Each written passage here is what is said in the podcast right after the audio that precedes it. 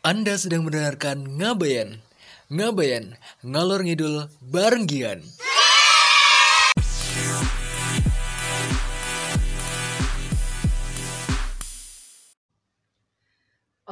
Assalamualaikum warahmatullahi wabarakatuh. Sobat Ngabayan di mana pun kalian berada Ngabayan kembali hadir menjumpai Anda. Dan sekarang berbeda dengan episode-episode sebelumnya Ngabayan kali ini udah ada temen nih. Gian udah udah ngajak temen.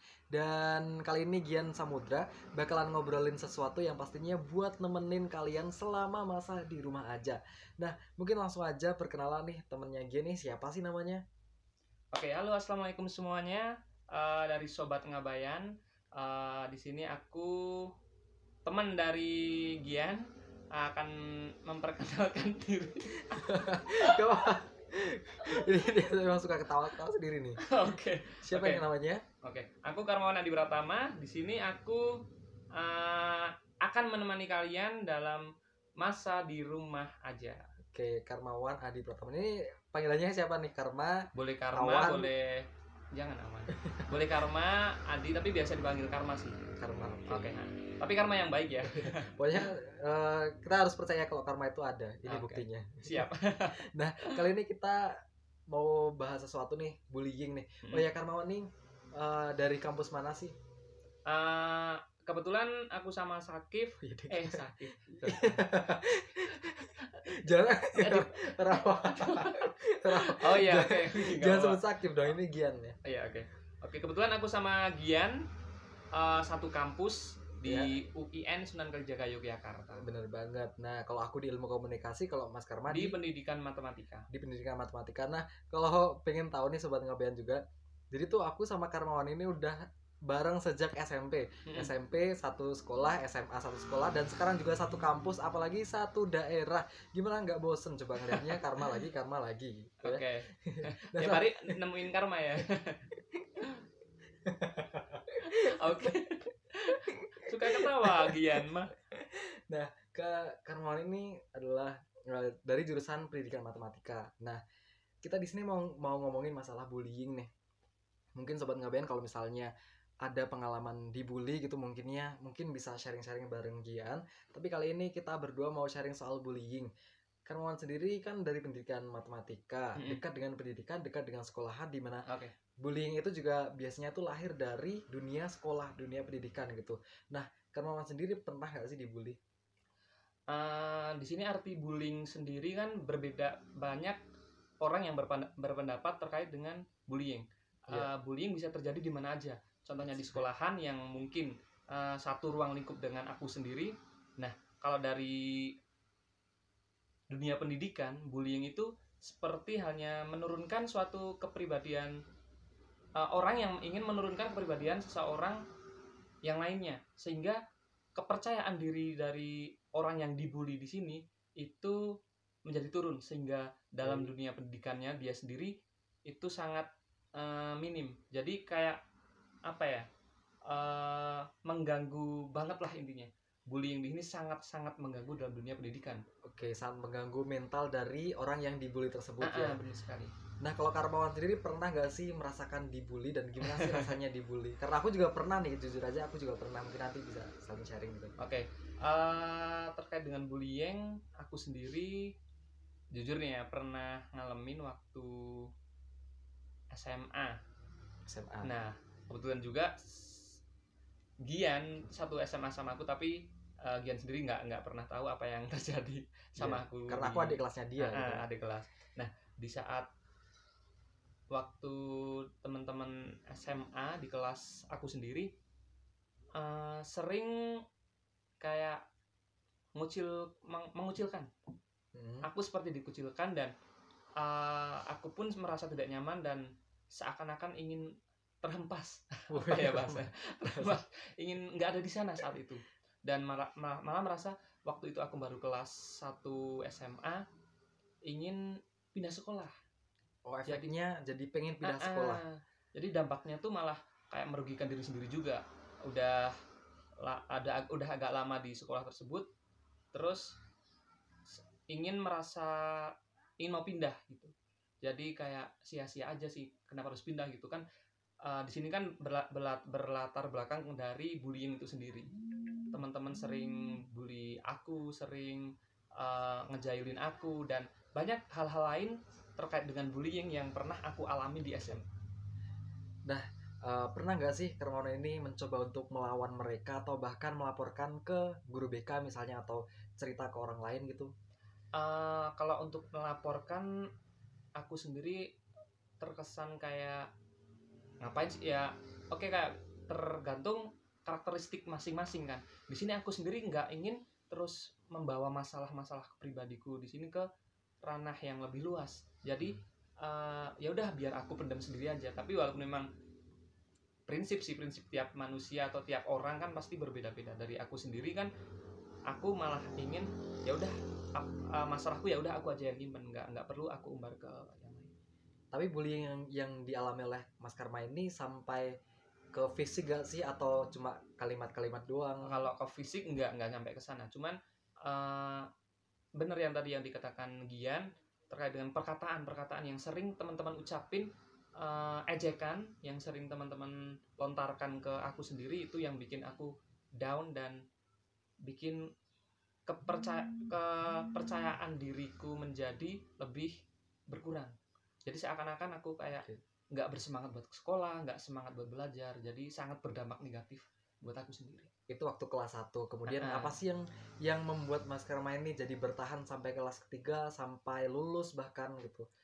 Apakah ada perubahan ke mereka yang biasanya ngebully tiba-tiba jadi nggak ngebully gitu? Kalau dari itu belajar apa ya? Kayak ya udah udah udah dibully terus aku sendiri mm, membiarkan apa yang mereka lakukan lama-lama kan pasti mereka akan bosan sendiri. Dan aku nggak merespon mereka pasti mereka akan bosan sendiri dan aku pun ya udah malah ini lebih berun- lebih menguntungkan diriku sendiri sehingga ketika waktu naik kelas dan aku tidak jadi untuk eh, pindah Udah. sekolah eh, mereka malah ya udah malah terus welcome sama aku dan kita udah teman baik. Kayak nggak pernah terjadi sesuatu sebelumnya. Oh berarti udah mulai membaik itu semenjak kelas 11 nah, masuk ah, kelas 11 kelas 11 SMA di sana seakan-akan kayak kita nggak pernah ngalamin yang namanya bullying di kelas 1 jadi seperti kayak ya udah cuek Hmm. bukan cuek sih tapi cuek terhadap masalah yang pernah terjadi. Bukan cuek eh, antar temen gitu nggak. Cuman hmm, kayak kita ya udah wel- saling welcome aja. Nggak nggak nggak terus jahat-jahatan jahitin udah nggak nggak nggak pernah ada hal-hal yang kayak gitu yang aku alami di kelas 2 di kelas 11 maksudnya perubahan yang dialami Karmawan eh, maksudnya banyak teman-teman yang tiba-tiba nggak ngebully lagi itu ad- adalah sebuah ketiba-tibaan atau Karmawan sendiri sempat mendekati mereka sempat ngebaik-baikin mereka gitu biar mereka nggak ngebully lagi oke eh, kan kan ada ada tuh jeda waktu kelas 10 ke Kelas kelas 11. 11 kan ada liburan, Libur, dan ya. sebagainya nah di sana eh, kita menyempatkan diri untuk berlibur bareng bareng-bareng gitu Oh. jadi eh, keakrapannya itu eh, tercipta di sana. Sehingga aku sendiri merasa kayak oh ya udah teman-teman udah welcome sama aku dan aku sendiri pun nggak nggak terus mempersalahkan mempermasalahkan apa yang sudah terjadi sama aku sendiri. Jadi ya udah cuek aja. Nggak nggak terus memperkeruh masalah dengan mengungkit mengungkit masa lalu yang pernah aku alamin di kelas 10 oh Gitu. jadi berarti semenjak adanya liburan akhirnya nggak jadi eh akhirnya bullyingnya itu berkurang Nah, bullying berkurang dan malah sama sekali nggak pernah di nggak pernah ada bullying di kelas se- 11 sampai kelas 12 sampai aku lulus pun kita baik-baik aja gitu. Oke. Eh, tapi sampai sampai sekarang masih ada nggak sih yang ngebully entah itu lewat kalimat atau pakai fisik gitu misalnya? Ah, mungkin karena sekarang dunia udah teknologinya canggih ya. Bullying sekarang nggak ada terus mungkin masih banyak kasus-kasus di luar sana yang bullying terjadi dengan kontak fisik, perkataan langsung. Namun kalau sekarang malah justru eh, lewat media sosial sehingga bullying hanya bisa terjadi di eh, media media sosial. Kebanyakan kebanyakan terjadi di media sosial. Seperti kayak hmm, komen di Instagram terkait foto-fotonya atau ngehack yang sering terjadi sekarang itu sangat merugikan sih tapi eh, itu yang terjadi sekarang di masa era sekarang. Tapi menurut kamu ini nggak sih eh, kayak efeknya itu berbeda nggak sih ketika bullying itu di media sosial dengan secara langsung? Karena kalau misalnya secara langsung kan kita bisa ngelihat mukanya orang yang ngebully kita jadi itu agak gede gitu ya kalau misalnya ngelihat orang tersebut. Beda kalau misalnya di media sosial itu kan kita cuma baca tulisannya gitu. Mm-mm. pun kita bisa menghapus komen mereka ketika Nah, mereka komen di Instagram. Sedangkan kalau misalnya kalimat yang diucapkan secara langsung itu kayak terngiang-ngiang gitu loh di kepala bahkan masih mengiris hati gitu. Eh, berbeda ya. Eh, apa namanya? Bullying di sosial media dengan bullying secara langsung atau perkataan langsung atau kontak fisik pun sangat eh, jauh berbeda. Di sini ketika eh, bullying dilakukan secara langsung kontak langsung di sini akan sangat berdampak negatif pada yang dibully. Sehingga tingkat eh, perbedaan antara tingkat kepercayaan diri orang dibully di media sosial dengan dibully secara langsung itu lebih tinggi yang secara langsung. Karena mereka Hmm. udah lihat langsung apa yang terjadi eh, bullying terjadi yang dialami oleh orang tersebut. Jadi eh, lebih ke apa ya lebih seka, mending sekarang sih ya sih benernya bukan mending tapi karena kalau dibandingin antara eh, langsung dengan lewat media lewat sosial. media sosial itu lebih oke yang di media sosial. Oke Lebih apa ya oke. bahasanya? Ada bullying? Oke. Intinya Oke. lebih eh, tingkat persentasenya lebih tinggi yang Hmm, secara langsung gitu. Oke. Untuk kepercayaan dirinya. Tapi eh, sejauh pengalaman bullying yang pernah dialami oleh Karma ini kira-kira tuh apa sih sebenarnya tuh latar belakang mereka kenapa ngebully orang lain? Oke mm. Eh, terbelakang apa ya? Mungkin mungkin aja ya bukan bukan maksud sombong atau gimana. Cuman kadang ada beberapa hal yang bikin teman-teman itu merasa iri dendam dengan apa yang aku punya sekarang atau apa yang aku punya saat itu. Jadi seakan-akan mereka seperti eh, nggak terima aku bisa lebih tinggi dari mereka aku li- bisa lebih unggul dari mereka. Sehingga Emang mereka kamu lebih unggul ya? ya itu salah satu yang aku salah rasain. mungkin mungkin eh, hanya dugaan ya dugaan yang aku alamin waktu itu. Oke. Eh, bisa aja contohnya kayak nilaiku lebih tinggi dari mereka sehingga mereka tidak terima sehingga aku dikucilkan aku di eh, kasari atau di Hmm. kata-katain yang enggak enggak nah di situ mungkin salah satu latar belakang kenapa bullying itu bisa terjadi begitu oke Oke. Oke, Eh. sekarang nggak balik, boleh nggak nih balik tanya kepada Gian sendiri terkait dengan bullying, yang mungkin bisa Iya. Gian ceritakan untuk sobat eh, Ngabayan. Eh, kalau misalnya SD SD eh kalau misalnya yang paling inget itu waktu SMA sih. Jadi waktu SMA itu eh gimana ya? Kebetulan waktu itu aku tuh orangnya tuh pendiam banget. Nah, mungkin Oh itu jadi- ah. mungkin itu jadi salah satu salah satu faktor kenapa mereka mereka ngebully karena mungkin mereka gemes. Ini orang ini orang bukan sih apa mayat? Kenapa diem Kali mayat, mayat hidup. antara orang sama mayat? Gak ada bedanya. Diem terus gitu kan. Mungkin ya mungkin mereka ngiranya begitu. Tapi Mm-mm. pernah suatu ketika kan waktu itu tuh masih marak tuh Facebook. Nah aku masih suka nulis tuh. Habis itu aku coba posting di Facebook. Nah mereka itu meng- meresponnya itu pakai negatif mereka menganggap kalau misalnya aku ini adalah orang yang alay karena posting puisi di Facebook mereka. Pokoknya kan hampir karena hampir tiap hari aku ngeposting puisi di Facebook jadi mereka juga tiap hari ngebully aku dan ngatain aku kalau aku ini adalah orang yang alay lah orang yang yang sosial media edik lah dan lain sebagainya itu. Tapi ya nggak aku dengerin karena aku selalu malah itu jadi rutinitasku gitu dan kayak udah kebal udah biasa telinga ini dengerin mereka yang ngebully yang kayak gitulah. Nah terus suatu ketika mereka tuh pernah bilang kalau misalnya ngapain sih kamu nih eh, posting tulisan di Facebook? Alay banget kenapa nggak dibukuin? Nah dari situ justru bulian mereka itu bisa jadi semangat aku gitu. Makanya dari situ aku mulai menerbitkan buku kayak gitu. Tapi itu masih masih mending sih karena kalimat ya.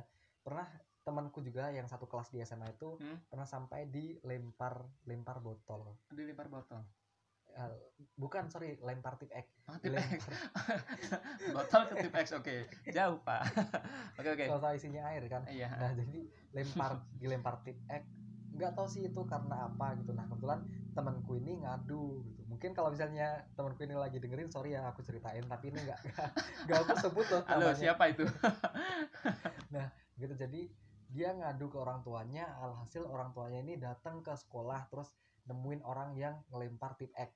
Waktu udah di jadi ada sempat ada kayak sidang gitulah di Mm-mm. di, di ruang Sidang BK paripurna? Sidang di ruang oh iya di BK. ruang BK di ruang Nah, BK habis itu malah semakin menjadi-jadi. Malah si si A ini semakin dibully di kelas. Oh yang dibully itu? Mm-mm, karena yang kan sudah melaporkan kemudian eh, malah si A ini malah tambah masalah tambah dibully. Gara-gara. Karena- gara-gara melaporkan. melaporkan. Gara-gara melaporkan si pembuli itu. Melaporkan. iya Nah. karena karena apa ya dianggap semakin dianggap lemah ini ngapain sih pakai lapor segala gitu. Habis itu malah jadi tambah jadi ejekan kayak gitu. Terus apa lagi? Penasaran nih.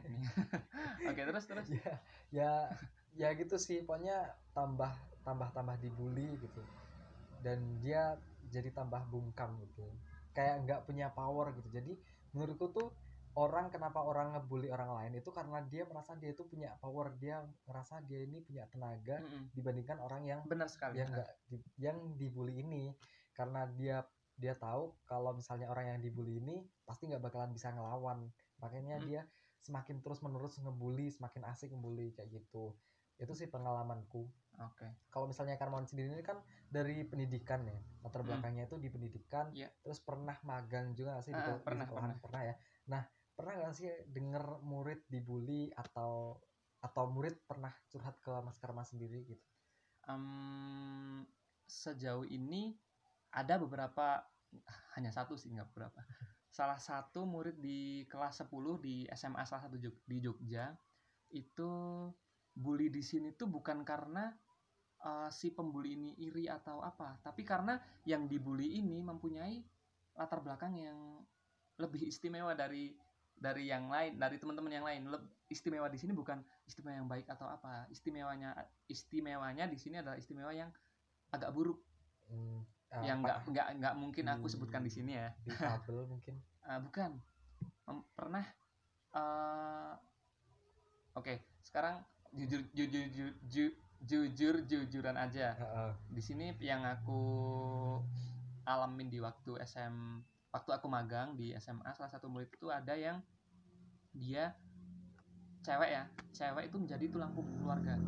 Tunggang tulang punggung keluarga dan kerjanya itu bukan kerja yang baik. Ya adalah istilah kerja ya mungkin Dian sendiri udah paham atau sobat ngabayan semuanya udah paham Seba- seorang cewek eh, menjadi tulang punggung keluarga dan dia masih SMA dan kerjanya itu ma- ngapain ya mungkin oh, iya, kerjanya itu Kurang baik. bener gitu ya. nggak bener tapi di sini itu yang menjadi latar belakang si yang dibully ini dibully oleh teman-temannya dikucilkan dikata-katain tapi ketika dengar dari cerita dari guru-guru yang lain yang sudah mungkin lama di sana dan sudah apa mengetahui semuanya terkait anak ini. Eh, anak ini merasa cuek dan nggak mempermasalahkan apa pun terkait eh, orang yang membuli dia. Hmm. jadi ah udah ah cuek aja. Yang penting aku di sini sekolah yang penting aku di sini menyelesaikan sekolah SMA aku dan aku harus lulus. Hmm, dan nanti ketika udah lulus kan bisa bantu lebih bantu orang tua dengan kerja yang baik. Mungkin apa ya hmm, kayak ya sebenarnya pilihan sih ya pilihan si yang dibully ini mengapa dia harus kerja seperti itu kenapa dia harus menjadi tulang punggung keluarga mungkin ada latar belakang sendiri dari si yang dibully ini kenapa dia harus melakukan seperti itu? Tapi di di posisi ini menurut Karma bisa nggak sih kalau misalnya bullying itu dianggap wajar? Karena bullying di di posisi yang tadi diceritain Mas Karma ini adalah mungkin untuk mengubah orang tersebut eh, sebut saja si A gitu ya untuk mengubah si A biar dia nggak kerja kayak gitu lagi gitu. Karena yaitu adalah kerja yang yang mungkin nggak halal gitu ya. Mm. menurut Karma bisa nggak sih bullying itu dianggap sebagai hal yang wajar dan dibolehkan gitu loh? Oke, Oh, kalau di situ menurut aku sendiri sih ya, eh, menurut aku sendiri sebenarnya nggak perlu sih pakai bullying dan sebagainya untuk mengubah eh, si A ini yang sudah aku ceritain tadi untuk bisa menjadi lebih baik, untuk kerja yang baik, nggak kerja yang eh, seperti apa yang aku sebutkan tadi. ada cara lain mungkin selain bullying yang mungkin ada yang lebih baiknya daripada bullying bullying kan mungkin uh, konotasinya akan negatif ya Hmm. jadi kayak nggak akan ada latar belakang yang baik di depan bullying gitu jadi bullying itu pasti uh, ketika orang mendengar kata-kata bullying pasti kan konotasinya bakal negatif uh, buruk dan nggak mungkin akan ah bullying ini akan menambah semangat. Mungkin bisa bagi orang-orang yang orang-orang tertentu lah Hmm. yang mungkin memahami dirinya sendiri dan bisa berpikiran lebih dewasa karena bullying sendiri sebenarnya nggak perlu diperhatikan banget sih. Kalau bagi orang-orang yang ter- yang cuek atau yang lebih dewasa lah intinya pasti nggak akan menanggap men- menanggapi uh, si bu- uh, bully apa namanya? Pembuli. Ah, pembulian. Program eh program. Ke program. Eh, kegia- Pembuli. kegiatan apa ya? Ya pembulian lah intinya. Iya. Ah, kayak gitu sih. Eh, terus waktu itu di kasus tersebut per- Mas Mm-mm. Karma sendiri pernah nggak ngomongin si A ini biar gimana caranya atau mungkin ngasih solusi ke si A gitu? Eh, aku sendiri jarang juga sih ketemu si A ini yang mungkin aku belum paham latar belakangnya seperti apa dan dia orangnya seperti apa apakah dia eh, introvert atau mempunyai sifat yang lain atau latar belakang eh, yang lain juga. Di sini aku nggak nggak berani dan gimana ya aku baru baru di sekolah itu dan baru eh, masuk di sekolah dan baru tahu ada kejadian seperti itu dan aku pun hanya ya oke cukup tahu aja sih terkait hal itu dan bisa jadi pelajaran aku dan informasi aja sih buat aku kalau oh ya pernah terjadi hal, -hal seperti itu dan uh, bisa menjadi cerita nantinya untuk untuk isi Ah. podcast ini. isi podcast ini oke. Eh, tapi menurut Karma sendiri gimana sih sebenarnya biar nggak ada lagi bullying yang terjadi di sekolah atau di dunia pendidikan? Hmm, susah ya misalkan untuk me- apa namanya menghindari pembulian seperti itu. Iya Karena pembulian mengurangi lah mengurangi. Gimana sih cara mengurangi? Oke bullying Eh, dari aku sendiri ya kak pembulian yang terjadi di sekolah-sekolah itu bisa dikasih gini misalkan ada yang ketahuan nih eh, membuli anak membuli teman-temannya gitu diberikan suatu sanksi yang memang benar-benar akan membuat si pembuli ini menjadi lebih jerah dan paham sih yang dilakukannya itu adalah hal perbuatan yang sangat-sangat tidak baik dan Hmm. eh, sangat berpengaruh pada yang dibully. Dan itu berpengaruhnya adalah berpengaruh yang negatif. Itu pemberian sanksi yang berat. Atau pengadaan eh, apa ya mungkin seperti seminar atau mendatangkan pembicara untuk sosialisasi gitu. eh, kayak sosialisasi untuk bisa menjelaskan arti bully yang sesungguhnya itu seperti apa dan pasti banyak negatifnya daripada positifnya. Malah justru banyak eh, semuanya negatif nggak ada positifnya Iya karena menurutku itu kan juga berpengaruh di kehidupan selanjutnya gitu. Mungkin Mm-mm. ketika dia pernah dibully waktu SD, itu bakalan berpengaruh di pikirannya tuh waktu SMA atau waktu menginjak Nah, dewasa bisa bisa seperti itu. gitu. Jadi pengalaman-pengalaman yang pernah terjadi yang pernah terjadi oleh orang yang pernah dibully itu juga bisa akan mempengaruhi pikirannya sehingga Mm. Apa pikirannya anak yang pernah dibully itu tuh kayak kurang bisa percaya diri untuk melanjutkan misalkan sekolah ya di sekolah yang jenjangnya lebih tinggi eh, di kehidupan yang lebih luas atau di keluar dari zona nyamannya kayak itu akan sangat berpengaruh ke si yang dibully Mm-mm, karena uh, beberapa bahkan temanku tuh sering mengeluhkan gitu, sering cerita gitu. Kif aku tuh Ian eh, oke. Jadi aku tuh di diomongin ini loh sama orang itu. Aku tuh diomongin ini sama orang itu dan dan itu tuh malah bikin orang tersebut itu nggak nggak maju-maju karena Hmm. dia terlalu memikirkan omongan orang lain kayak gitu. Nah jadi itu seharusnya menurut Karmano itu gimana sih sebagai orang yang pernah dibully Mm-mm. dalam menanggapi orang-orang tersebut? Eh, cuek aja sih. Bahkan malah jadi bener yang yang Gian Gian ceritakan tadi terkait yang Gian pernah dibully malah menjadi motivasi Gian untuk menulis. Nah itu malah jadi motivasi juga buat aku sendiri yang pernah dibully malah jadi eh, inilah penyemangatku. Aku nggak boleh jadi orang yang lemah dan nggak boleh jadi orang yang eh, nggak bisa melawan. Artinya bukan melawan secara fisik atau malah balas dendam enggak artinya aku melawannya dengan memposisikan diriku menjadi lebih baik dari mereka. Aku bisa lebih baik dari mereka aku bisa eh, apa ya berguna lebih berguna dari mereka. Dan aku bisa aku pun sendiri bisa menunjukkan kalau eh, aku mampu lebih mampu dari mereka. Hmm. Dan apalagi bullying itu nggak cukup di sekolahan, jadi tuh kita Mm. juga harus meng- mengadakan sosialisasi mulai dari orang tuanya karena Hmm, gimana gimana pun itu eh, apa ya asuhan dari orang tua itu bakalan berpengaruh ke perilaku banget dari si anak gitu. Nah, dari orang tua sendiri uh, memang malah justru dari orang tua yang harusnya menjaga anaknya agar uh, bisa menjaga dirinya sendiri agar bisa uh, mengatasi masalah-masalah yang salah satunya adalah bullying itu. Jadi uh, malah peran orang tua di sini lebih nomor satu daripada yang lainnya.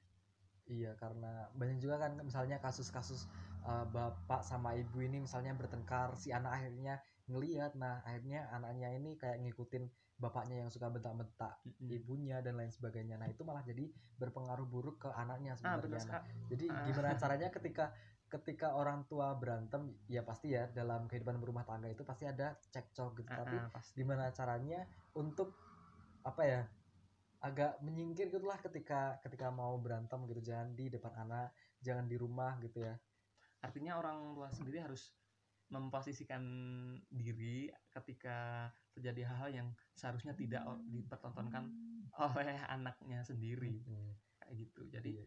peran orang tua sih sebenarnya paling penting di sini. peran orang tua peran guru ya nggak sih Nah, kalau di ruang lingkup sekolahan peran gurunya, peran ketika guru. di eh, di ruang lingkup kerja pun pasti juga pernah terjadi pembulian. bullying Pembulian di apa namanya? eh, oleh atasan kayak atau oleh senior-senior yang mungkin memang mempunyai apa namanya? maksud yang jelek untuk Iya. menjatuhkan Nah, aku pernah ngalamin Nah, ini bukan bullying sih tapi lebih ke aku jadi objek yang difitnah gimana caranya biar aku ini terpojokkan di situ padahal itu Ah. nggak bener dan akhirnya udah mulai terbongkar sih ya bercukup juga sih karena aku akhirnya nggak nggak terlibat dalam itu dalam kasus tersebut gitu mungkin dari kamu sendiri ada nggak sih pesan-pesan buat buat mereka mungkin yang yang pernah Hmm. dibully sedang dibully atau yang pernah ngebully uh, secara keseluruhan aja sih dari kalian semua yang mungkin itu tadi pernah dibully, pernah membuli atau uh, sedang dibully sedang dibully. Beda-beda sih sebenarnya. ya udah satu-satu dong ini kan soal IPS loh tiga Oke. Untuk yang sekarang sedang dibully nih. uh, apa ya? Dari aku sendiri yang pernah mengalami hal tersebut cuek sih. Lebih lebih me- apa ya?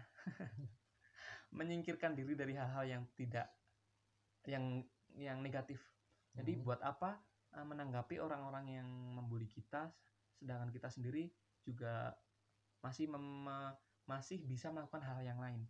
masih selain- banyak urusan yang harus kita urusin. daripada menanggapi orang-orang yang ah, sudah membuli kita. Kemudian untuk yang ah, pernah membuli nih, yang ah, yang pernah membuli, ah, bayangkan aja sih dari kamu sendiri ketika kamu dibully atau kamu dikucilkan, kamu di pokoknya dibully, ini berada di posisi dibully ah, di itu posisi dibully tuh, ah, sadarlah, sadarlah hai kawan. Jadi eh, belajarlah bela- belajarlah untuk eh, tidak membuli. belajarlah untuk menerima orang lain gimana caranya Ah, ah. karena Makanya tadi yang sudah disampaikan terkait latar belakang pembulian itu kan karena iri, karena dendam. Hmm. Itu coba apa sih untungnya kalian membuli? Apa sih untungnya kalian eh, menjahati teman kalian sendiri sedangkan teman kalian sendiri juga pernah membantu kalian mungkin atau pernah eh, senang bareng, nangis bareng, itu kan pasti pernah Bubuk terjadi. mandi bareng mandi bareng. Bercanda, Mas. Nah, itu sih pesan-pesan yang mungkin bisa kurang bermanfaat atau eh yang bermanfaat. bermanfaat lah. Nah, pasti bermanfaat. Itu sih buat sobat ngabayan iya yang sudah mau Oh iya. Kok jadi aku yang pamit ya? Oke. itu Oke. bagianku Oh iya bagian. Oke, cukup sih cuman itu. Oke, makasih banget buat Kermawan Adi Pratama yang udah sharing soal bullying Oke. dan kebetulan juga dekat juga dengan kami ya, dengan aku dengan Mas Kermawan juga karena dia juga di bidang pendidikan dan aku juga pernah menjadi volunteer di bidang pendidikan gitu. Jadi sama-sama dekat gitu ya. Dan itu dia tadi pesan yang disampaikan oleh Mas Karmawan semoga itu juga bisa bermanfaat dan bisa diterapkan Amin, amin. di kehidupan kalian sehari-hari gitu. Sekali lagi ketika ada orang lain ngebully kalian udah itu orang-orang itu adalah toksik buat kalian orang itu adalah racun buat kalian cukup tutup telinga dan dan ya terus berjalan aja gitu. Terus buat yang pernah ngebully gitu misalnya. Jadi apa ya emang gak ada kerjaan lain gitu selain selain ngebully gitu karena masih masih banyak urusan yang sebenarnya harus kalian selesaiin selain ngebully dan nyacati orang lain gitu. Karena gimana ya itu kalau misalnya kalian pengen tahu itu tuh bakalan berpengaruh ke psikis ke mental orang tersebut gitu apalagi kalau misalnya melibatkan fisik itu jadi tolong kurangi bully tol eh, pokoknya apa ya ya gitu intinya ya. Oke. itu aja yang itu aja episode podcast kali ini. Thanks buat kalian yang udah ngedengerin ngabayan sampai menit terakhir ini. Sampai jumpa di episode-episode selanjutnya. Terima kasih. Wassalamualaikum warahmatullahi wabarakatuh